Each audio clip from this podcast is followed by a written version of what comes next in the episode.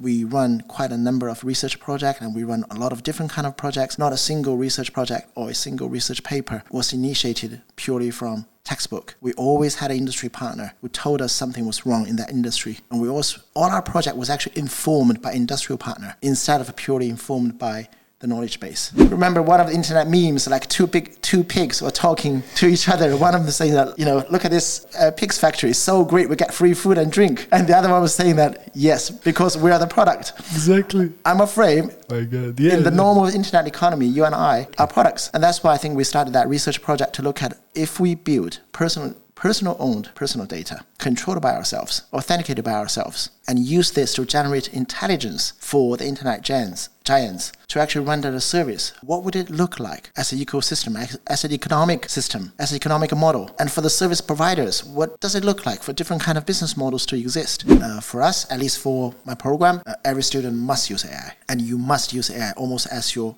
benchmark level to write a piece of thesis or a piece of dissertation that you wanted to write. Reason being that that's almost the everyday level. If your performance is at par with AI, in today's environment, you're close to fail. Knowledge acquisition is not something we can teach these days anymore. However, as I said, at this level, the adoption of that knowledge, the utilization of that knowledge in a particular context is actually harder. The execution is a lot harder. So we create an environment for people to execute. So we teach them how to fish instead of give them a fish. So they must try. And we create an environment where they can fail safely before the failure becomes too expensive. Uh, a few years back, uh, I think it was probably one of the most enjoyable conversation he had with his dad, but probably one of the saddest thing he had with his dad as a conversation wise is he told his dad that um, he can no longer have his dad as a supplier because his dad was too slow. Cannot keep up. No. Uh,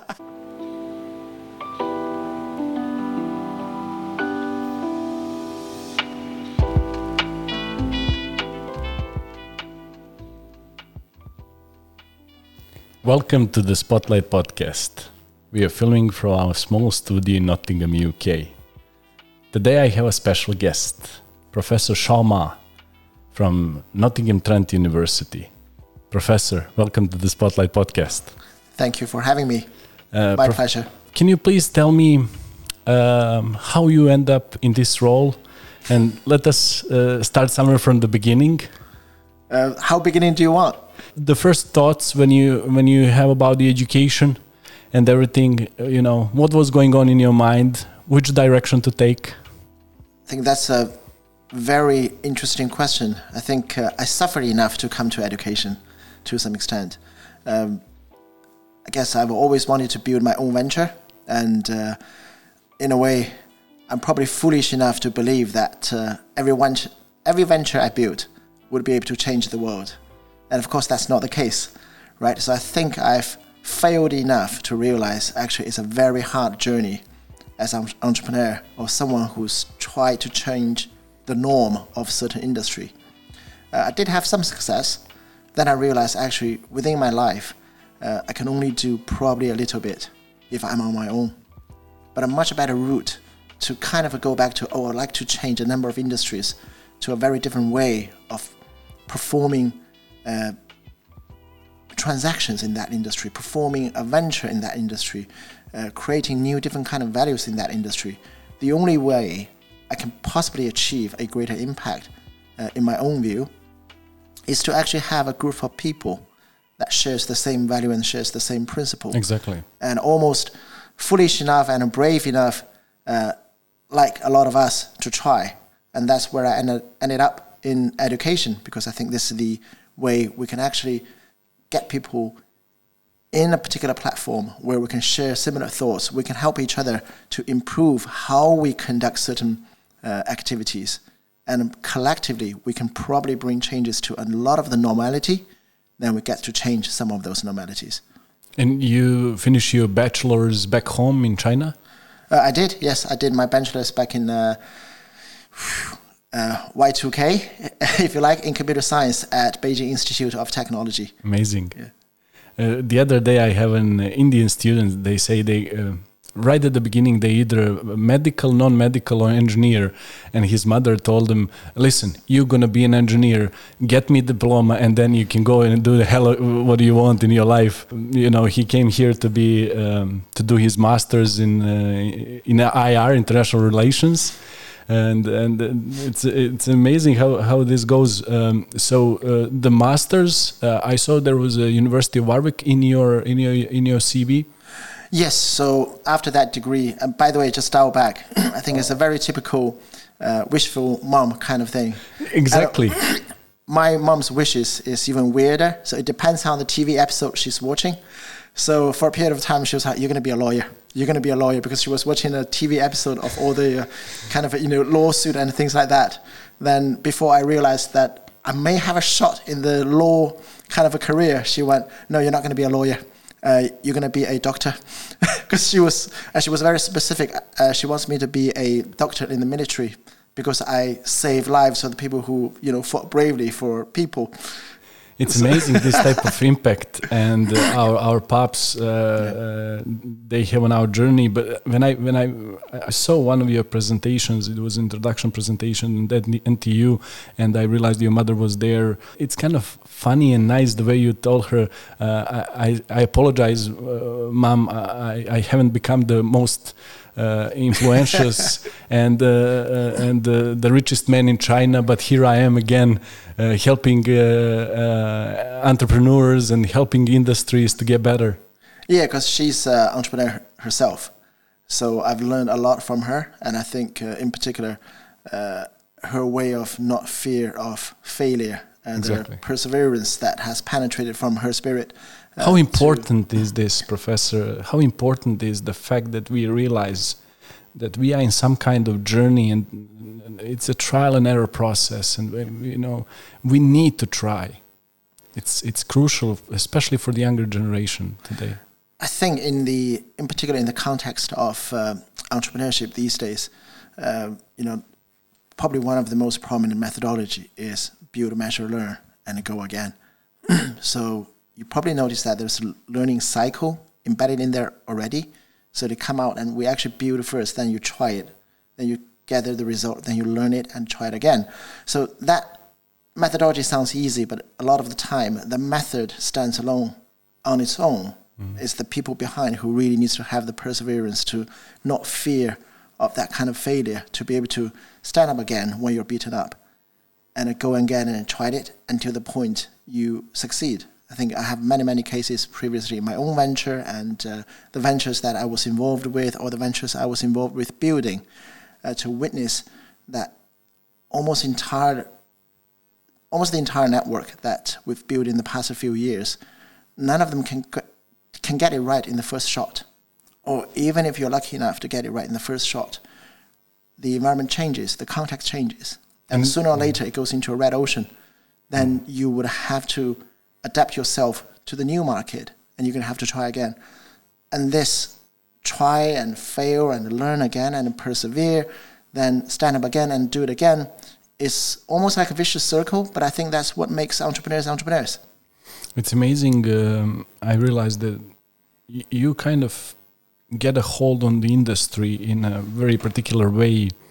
Um, you were analyzing the uh, tourism market in particular and trying to identify through different kind of SWOT analysis uh, um, what are the missing uh, major things in the tourism market today. And you identify key players but you also identify the fact that there was uh, missing human touch. Can you tell me a little bit more about this? Right. So that was one of the particular cases that we, we worked with. Uh, it's, it's actually one of the probably one of the largest travel agencies in the world, but in a very traditional sense. Mm. So they were facing a existential crisis mm. uh, from uh, being threatened by a lot of the online giants, and you can name quite a number of them. Exactly. Uh, you know, like Booking.com, you know, the Agoda, the hotel Airbnb. and Expedia, Airbnb, exactly. So all of those guys. What they were, what they are really good at is being able to produce a very low cost solution and at your fingertip and you can actually get your hotel, get your flight, get everything very quickly at the cheapest price you can possibly think of, which actually drives the industry to almost like you know a commodity trading uh, scenario, commoditize the whole uh, travel economy, and it it's good. Don't get me wrong, because now you get a very cheap travel. But I think one of the things we're always thinking is when we try to change the norm and when we try to build something different, is what are the real value we're creating for the people who actually wants to solve a particular problem. I mean, travel itself sometimes is not about. I mean, in this context, we're not talking about a particular problem. We're talking about what value does it actually create for you and I when we travel? Experience. Experience. At the end, you know, when somebody, you know, touch wood, Uh, is far, far away from us. bed. Exactly. When somebody is actually, you know, lying on their dying bed, I think they would probably cherish the memory that they were somewhere with the loved ones doing this and that. They probably wouldn't hate the fact that they spent hundred dollars more on a flight ticket. That's not what they regret for. So for that reason, actually creating that memory is the most value add element to that industry. Therefore, we're trying to push the solution as close as to value creation. Then you realize actually for a big chunk of that market, the value creation isn't about the cheap deal. It's about the coherence of the experience. It's about creating that loving memory for the people who are traveling together. It's about having that having the experience of fully enjoy the entire journey, not to worry about I need to handle 20 different vendors of my trip. So when that happens, you realize there's actually a lot of contextualized experience we need to cater for the traveler. Then a computer or a commoditized solution is not going to do that. You actually still need a tour guide. That's that's exactly putting a human in the middle of the in the midst of the process could solve the equation of of the the emotion that we are after here, right? That's right, and also because of digi- you know because all these digital platforms, we are at a place where you know this influencer economy is everywhere. People likes to know where have you been to, what kind of experience did you have, and yes, you and I can share our experience. Uh, at a different you know destinations, but a tour guide, a professional tour guide, would be able to correlate that to a lot of different people from the value they really enjoy.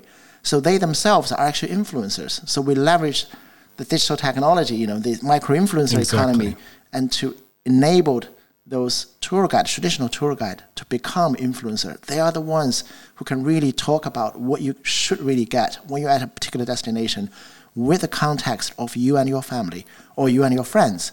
Therefore, they become the center of the whole network, if you like. And they are the ones who tell their friends and family or the followers what you should go to when you're at a particular place. I, if you take, you know, Nottingham as the destination, what should you be really visiting if you are, you know, having a romantic holiday with your with your loved one?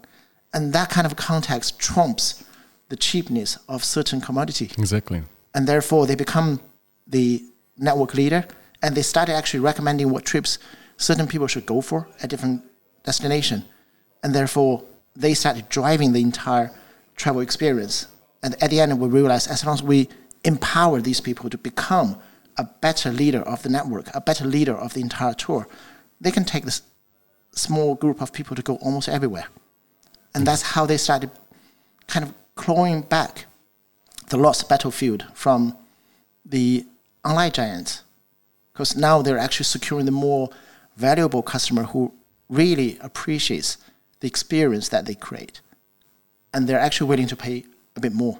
When you're talking about this, I'm I'm keep on thinking about the recent book I read, and it was initiated by the program public policy program uh, uh, MSc at uh, NTU, and there was a book, um, Six Thinking Hats, uh, from uh, Richard de Bono, 23 years uh, old book, and within it uh, he was describing a, a way of parallel thinking. There's also one of his separate books, and he said uh, try to think out of the box and you, you can do random things. You can say the number let's say 95 and then you take a dictionary and go to the 95th page and then you say another number and it's let's say 5 and you see that their word is let's say uh, customer.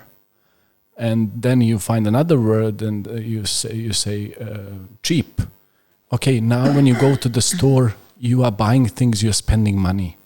What if you go and they give you money for purchasing their things and then yeah, i realized it was uh, it was really a fact of influencers. Now you have an influencer that we are paying them. Businesses are paying influencers to purchase their products, to to market uh, the way they purchase and use their products, right? A lot of cashback systems. This was 23 years ago. He was developing these type of uh, visionary uh, uh doctrines. I think this is, I mean, great that you actually brought that on board. I think this is probably one of the key things we found out when we are executing some of the solutions industry or even educating our own students is the knowledge a lot of the knowledge has been created probably sitting in different domains already but executing is the hardest thing we normally talk to our students to say having an idea is cheap try execute mm. it's very very hard so going back to that example you were saying we know that influencers can actually create a very different business model.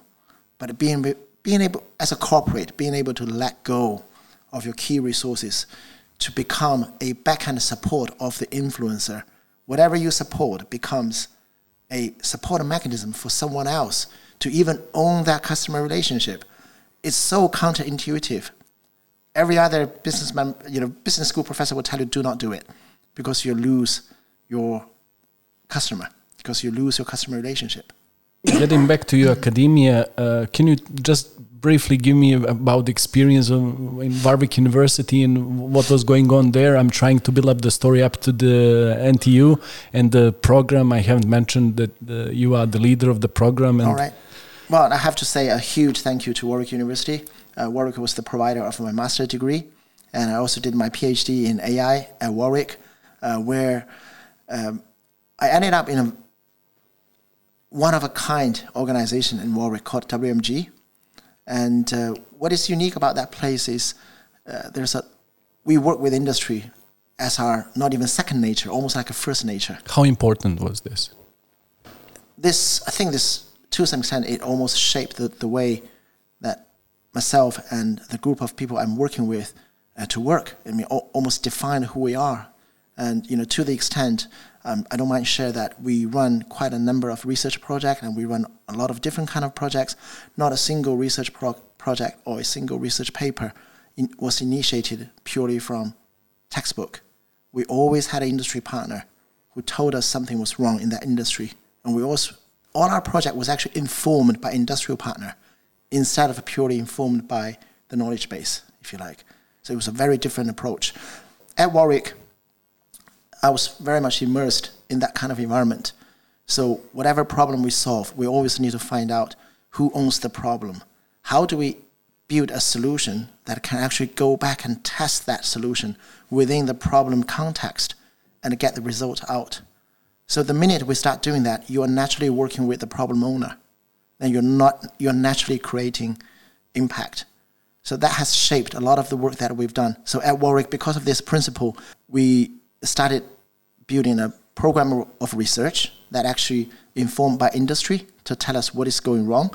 And once we have the insight, we start building them into our program at Warwick at the time called MSc uh, in Innovation and Entrepreneurship. Uh, we were lucky enough and brave enough to build it very differently. That program actually ended up as number one ranked in the UK by Eduniversal. Congrats. Then after the degree, a number of candidates wants to start up because they have actually tested out a minimum viable product during the program and they really wanted to try to see if they can scale it.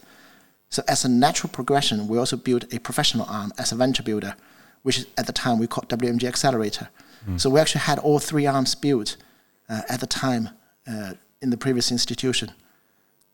But we didn't have the three teams working as a ecosystem or one or three in one mechanism to really make this seamless experience. Going back to the travel industry experience, you really wanted the candidate to come in to go through the whole cycle. And that's when we now established the Center for Business and Industry Transformation. So this center would actually have entrepreneurs or you know disruptive innovators to, co- to come in to actually go through a circle of education, venture building, than research. I can give you many examples of our alumni who's actually gone through it. PhD in AI topic that we are always interested uh, here in uh, Spotlight Podcast. As a matter of fact, uh, uh, I cannot remember a single episode without mentioning it at least once. um, internet is broken. This is something that I, have Right. been hearing so many times, and I, I'm hearing it from you as well. But you also uh, propose a solution.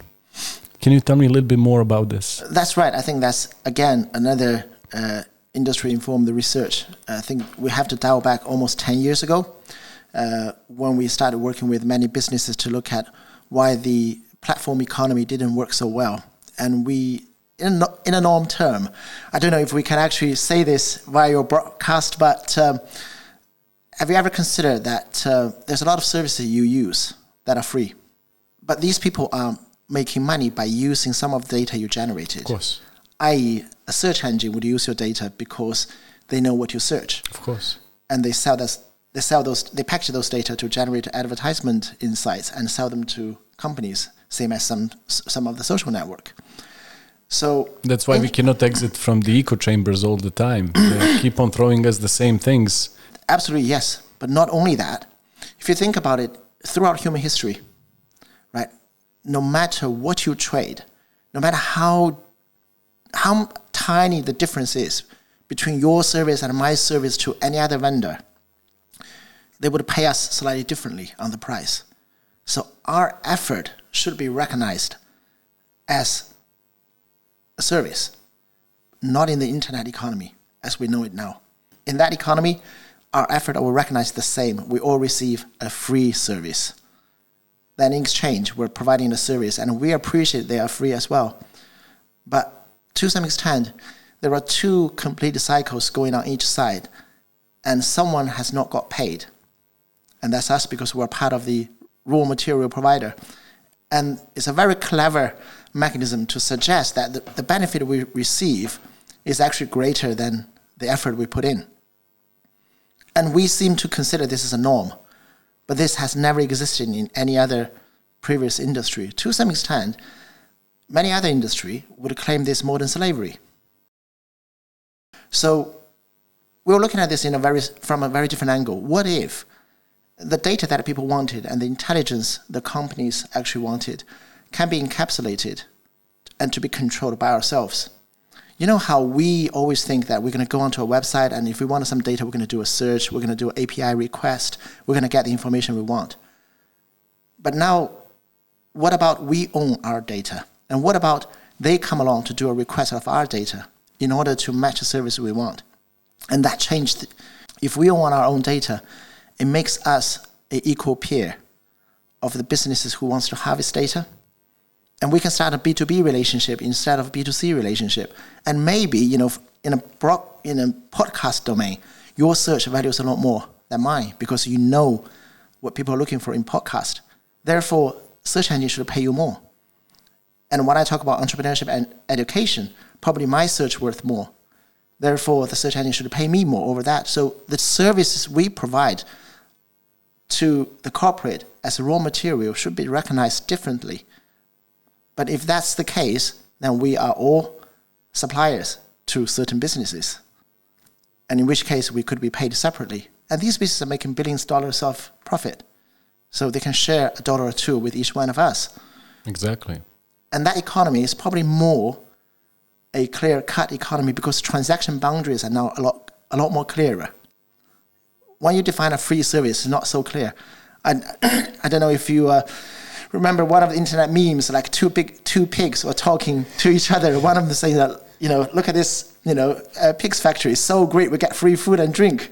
And the other one was saying that, yes, because we are the product. Exactly. I'm afraid My God. Yeah. in the normal internet economy, you and I Exactly. are products.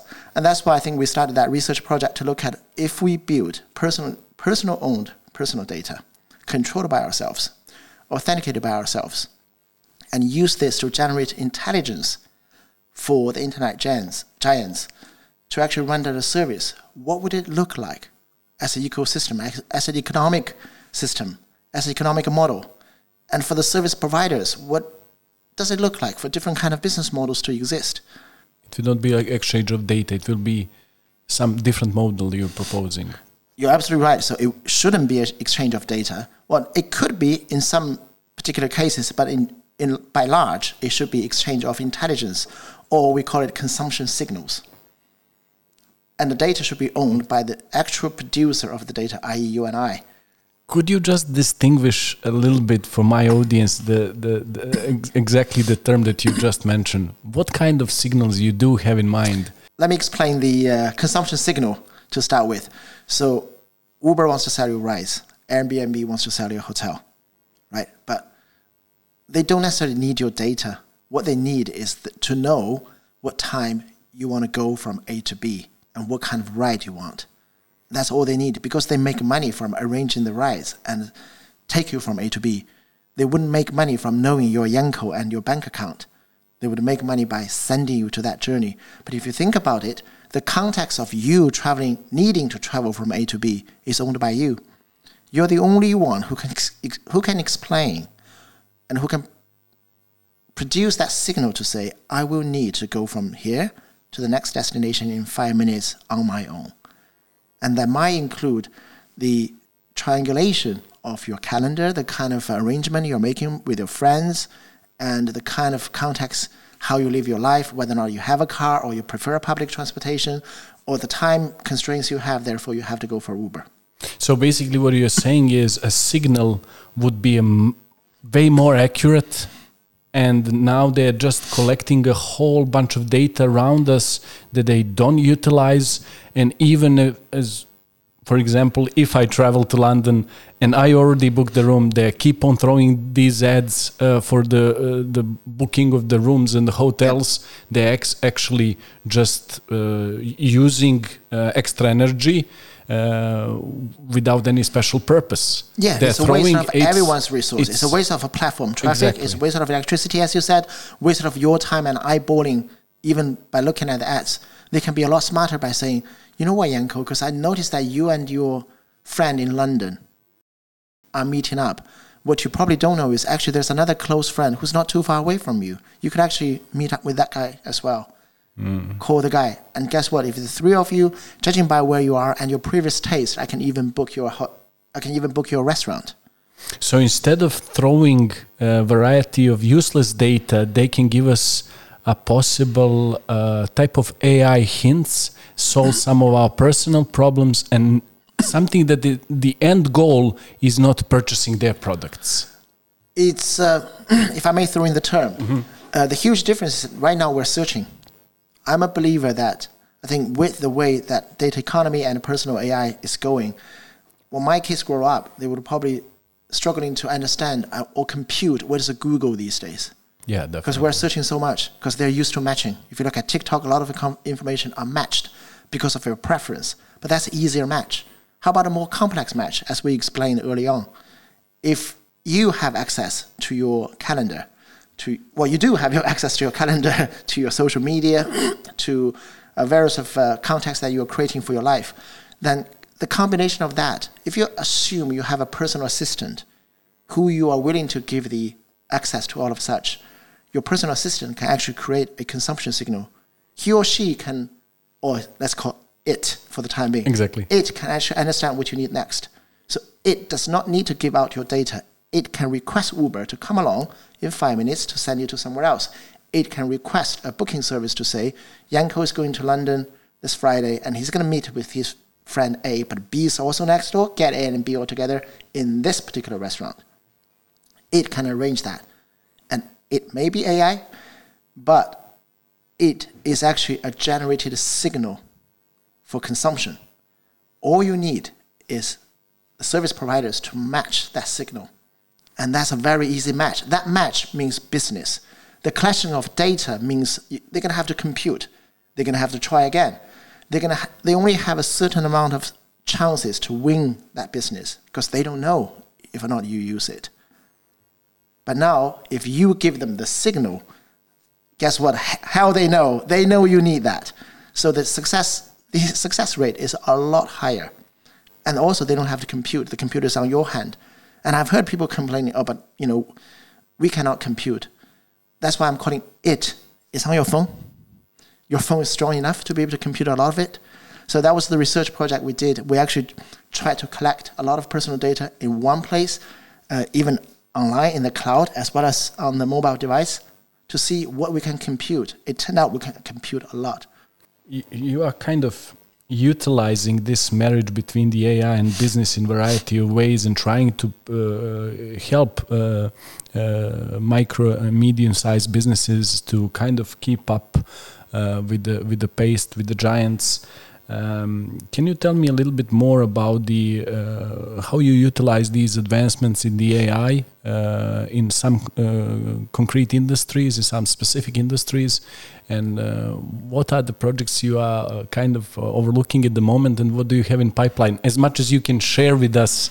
Almost because of probably the the the era we're in, so the majority of the project we are engaged with are actually using AI already. So, for example, one of the latest uh, we've just got uh, a very a very generous amount of funding from uh, Innovate UK was to look at how do we automate a supply chain for SME and generalize that methodology for SMEs. What I'm saying is, uh, with SMEs trading, in particular uh, the manufacturers who are trying to serve a particular demand, what you get them these days, what they can see is actually how the demand flows and varies from time to time.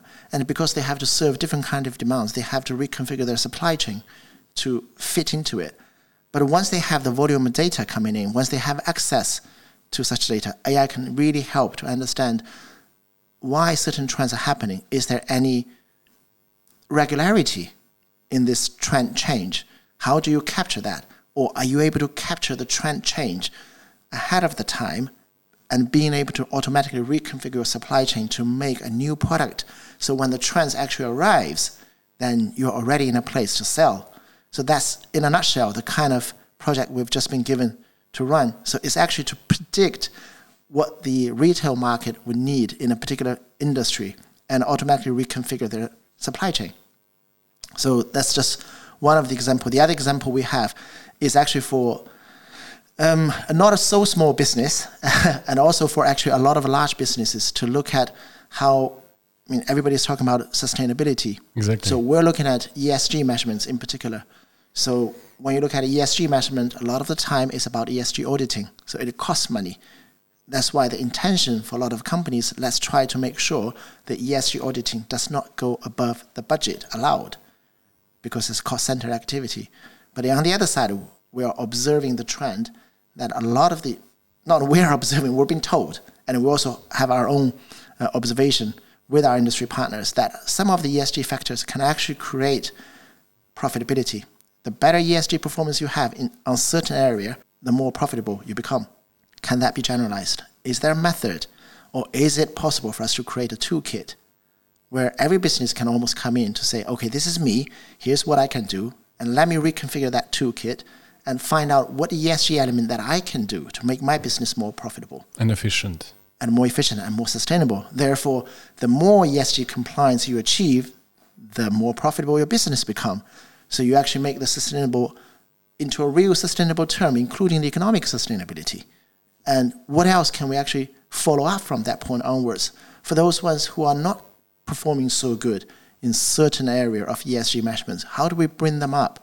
So that's another project we're looking at. And again, the analysis of what may work in what industry and the configuration of certain ESG uh, elements into supporting a business model and into calculating the profitability was done by uh, machines because we have so many you know data and so, so many different cases so that a machine can do that job a lot faster than us are the entrepreneurs uh, that you correspond with on daily basis are they kind of keen to understand the new mechanisms and how they can utilize AI to you know uh, effectively tackle the challenges?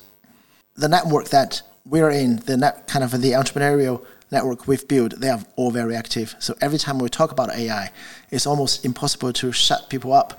oh, uh, so this episode is going to be very popular.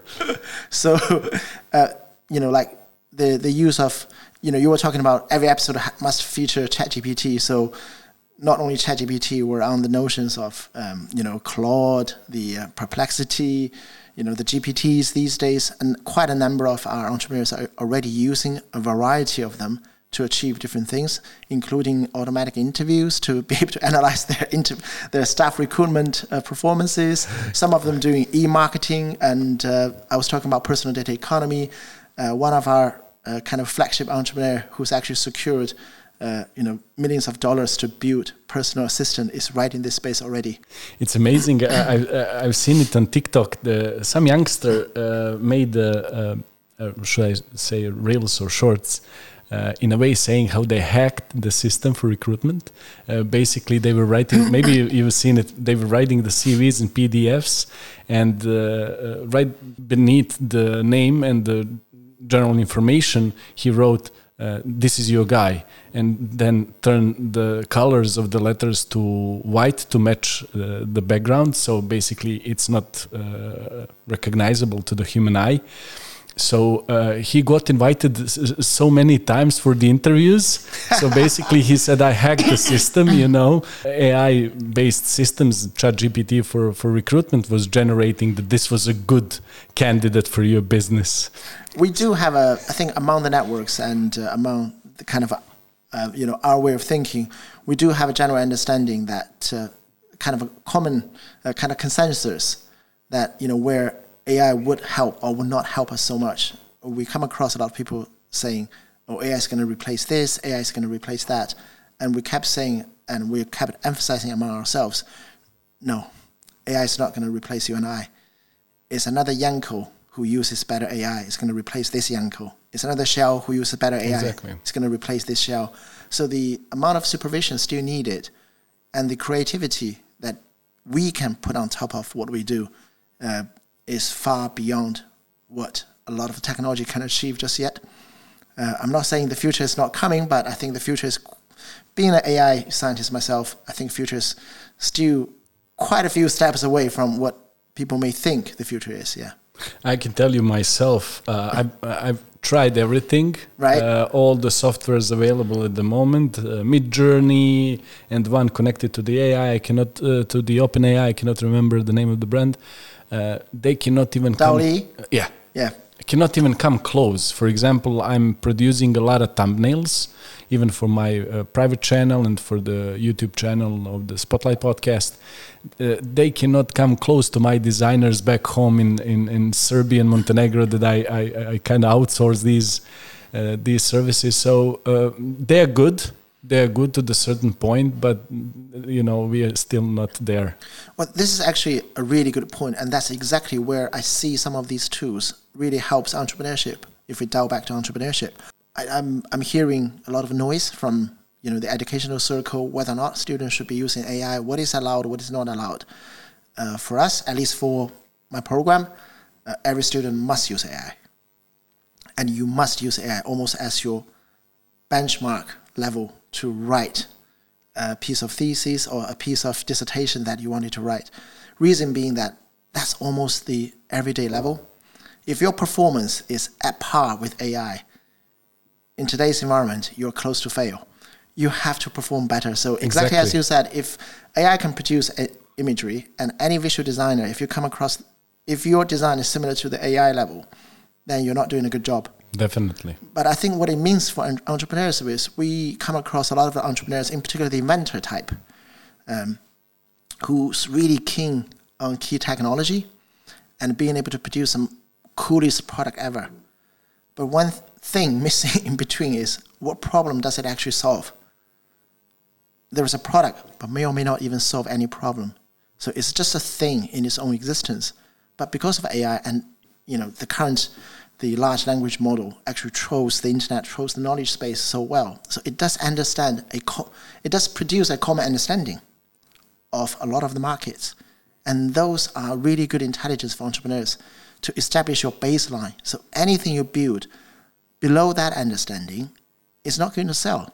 Yeah. So anything you build above that understanding may stand a chance. Marketable, yeah. And you can start working from that point onwards. Previously, without these tools, we have to put in effort to bring this benchmark to our community to say, hey, this is your benchmark. But now AI does that job for us. So everyone knows where the benchmark is. Exactly, exactly, and uh, it's accessible to everyone. Uh, I will uh, kind of give you a, a, chance, uh, shout out to the program. Let's uh, let's promote the program and NTU you are leader of. Yeah, yeah. Uh, tell me a little bit more about the program. Tell me uh, a little bit more about the tools you brought from various of your educations, especially in Warwick University, and uh, what do you guys do uh, at the moment at NTU? So the program we have is called Master in Business Transformation. So this is a upgraded version from the previously UK number one ranked entrepreneurship program. So we have a very specific target group of people we're looking at. So we're looking at four different kind of people, and they would benefit the most. So we're looking at, i.e., a family business successor, sons and daughters, second generations, or a senior executive to take the baton of existing business. We're looking at serial entrepreneurs who wanted to scale one of the ventures really fast. We're looking at inventors who has got a product sitting in hand, but find it hard to market, and we're looking for um, corporate entrepreneurs or entrepreneurs in a way, mm. whereby you actually have a lot of resource behind, and you can see the industry suffers from certain act- from certain problems. But you don't know how to help yourself. But you don't know how to address that. But you do have a lot of knowledge of knowing that you can, and yet you just need to put the resources together. So Out of these four groups, what do you see its prevailing one within within the current uh, uh, program? I would say it's actually the uh, uh the family business successor. Exactly. Yeah, so what's the most interesting from that is we we teach very differently. so our modules, every one of them is a five day sprint. So you're almost like working in a technology business. In one of my previous ventures, you're doing a five day sprint. And we don't actually teach a lot of content, if you like. Because again, I mean, we're doing a podcast, and you mentioned somebody who wrote a book, and I work with some of the very good academics, who's the you know, who's the father or mother of a particular theory. They can teach on YouTube. You know, who am I to teach the same theory where the birth parents are there to teach the theory themselves? So I think knowledge acquisition is not something we can teach these days anymore. However, as I said, at this level, the adoption of that knowledge, the utilization of that knowledge in a particular context is actually harder. The execution is a lot harder. So we create an environment for people to execute. So we teach them how to fish instead of give them a fish. So oh. they must try, and we create an environment where they can fail safely before the failure becomes too expensive. So it's more of experience of how you conduct such business transformation than the kind of knowledge you need to know. We never ever wanted to create a all-in-one business professional. We wanted to create someone, as I dial back to what I said before, who can actually fall in love with the problem, be persevering, and not fear, not fearful for failure, and being able to try again. So that's the kind of mindset we really want to teach. Or, you know, in a more common terms, people call them growth mindset. So we're trying to use a number of mechanisms to get that through. And going back to why that group is really interesting. I think that group has got a double whip. The first whip is um, they are they have a family business, so they would like to make that business more successful. And most likely, if we follow any of the theory, there is a growth curve of any business.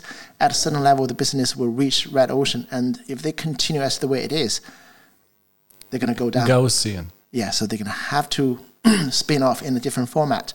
And that's where they come in. And secondly, this is the perfect moment for them to come in because we witness a lot of them don't get along with the first generation of entrepreneurs.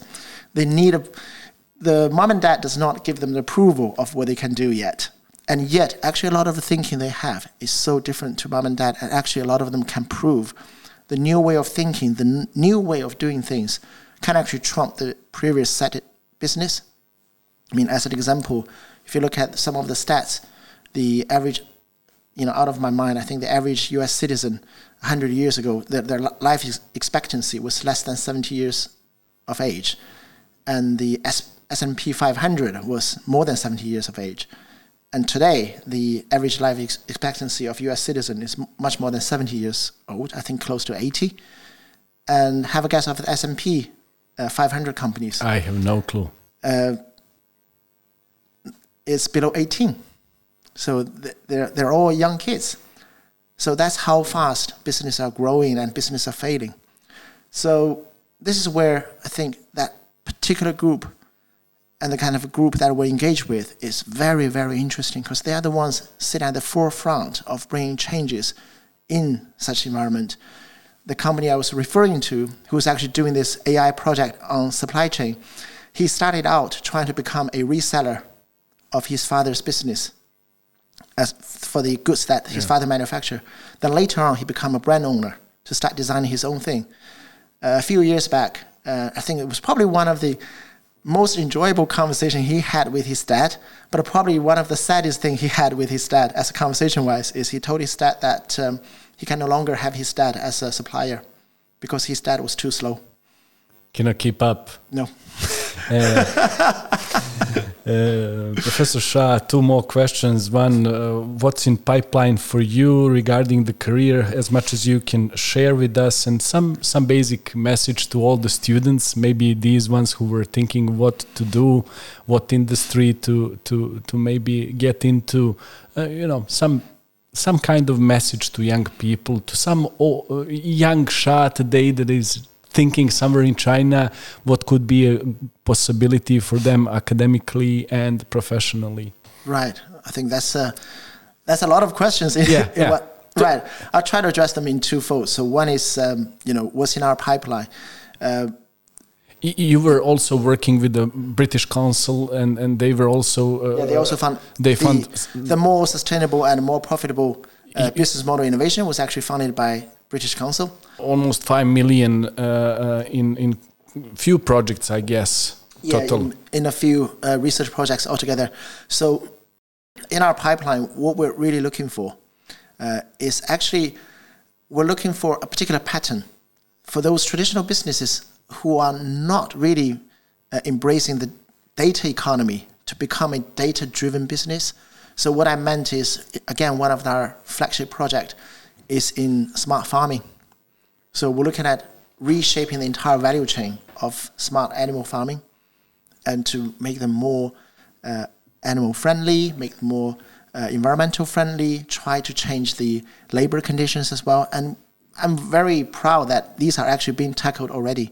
The reason why we can't publish is because these are at the forefront of some of some of the execution, and there's a huge amount of commercial sensitivity. Of course. What we're seeing as a trend is certain business like farming are now becoming heavy loaded with a lot of data. They are very smart.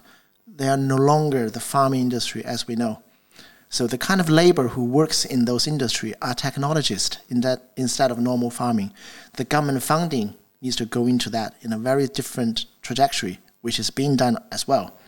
The kind of product we produce, the productivity is so high, the and they are a lot more environmental friendly and these are being produced as well. So a lot of such uh, opportunities exist, and we're really looking for a lot of new companies who share these problems with us, so that we can actually get on this journey to together to influence how that industry works, to build a new business model out of these businesses, and actually change the industry norm as we normally like to do. So that is the focus of looking at who are not yet in data economy, but is so close to become a data economy driven business. So I would say smart farming, personal data economy, platform economy, bioengineering, a number of the key areas we're looking at. In terms of message, I think message to some young uh, young Xiao at the moment, uh, right? Thinking about what are the options. Uh, our outro is around two minutes, so you have two minutes. All right, uh, less than that. I, I can give you twenty seconds. I think message, three phrases. One is to cherish the problem let me explain to fall in love with the industry problem, not to fall in love with the solution you have. Because you fall in love the, with, if you fall in love with the problem, you will always have a better solution. If you fall in love with the solution, you end up with one solution. So that's the first message. Second message is be rebellious and change the norm. The normality may or may not be the best. Most of the time, normality would become one of the problems over time. So trying to change the norm would keep the mind sharp and also make sure that you know you're always considering a better solution to try to give yourself the competitive advantage. The last thing is probably build, measure, and learn. Fail and try again. So as long as you wanted to do that, as long as you're used to do it, having that mindset of perseverance, you'll be okay. Professor Xiao, thank you so much for your time. Thanks for uh, giving me the opportunity to speak to you. I know it's a busy schedule, and I hope I'm going to see you in some uh, new occasions to deliberate about some new projects. Likewise, thank you so much for having me. It's a absolutely my pleasure to be able to come into your podcast and being able to share some of the work we've done from the Center for Business and Industry Transformation to your audience. And I would love to hear from the audience and I would love to have another catch up with you soon. Thank you so much again.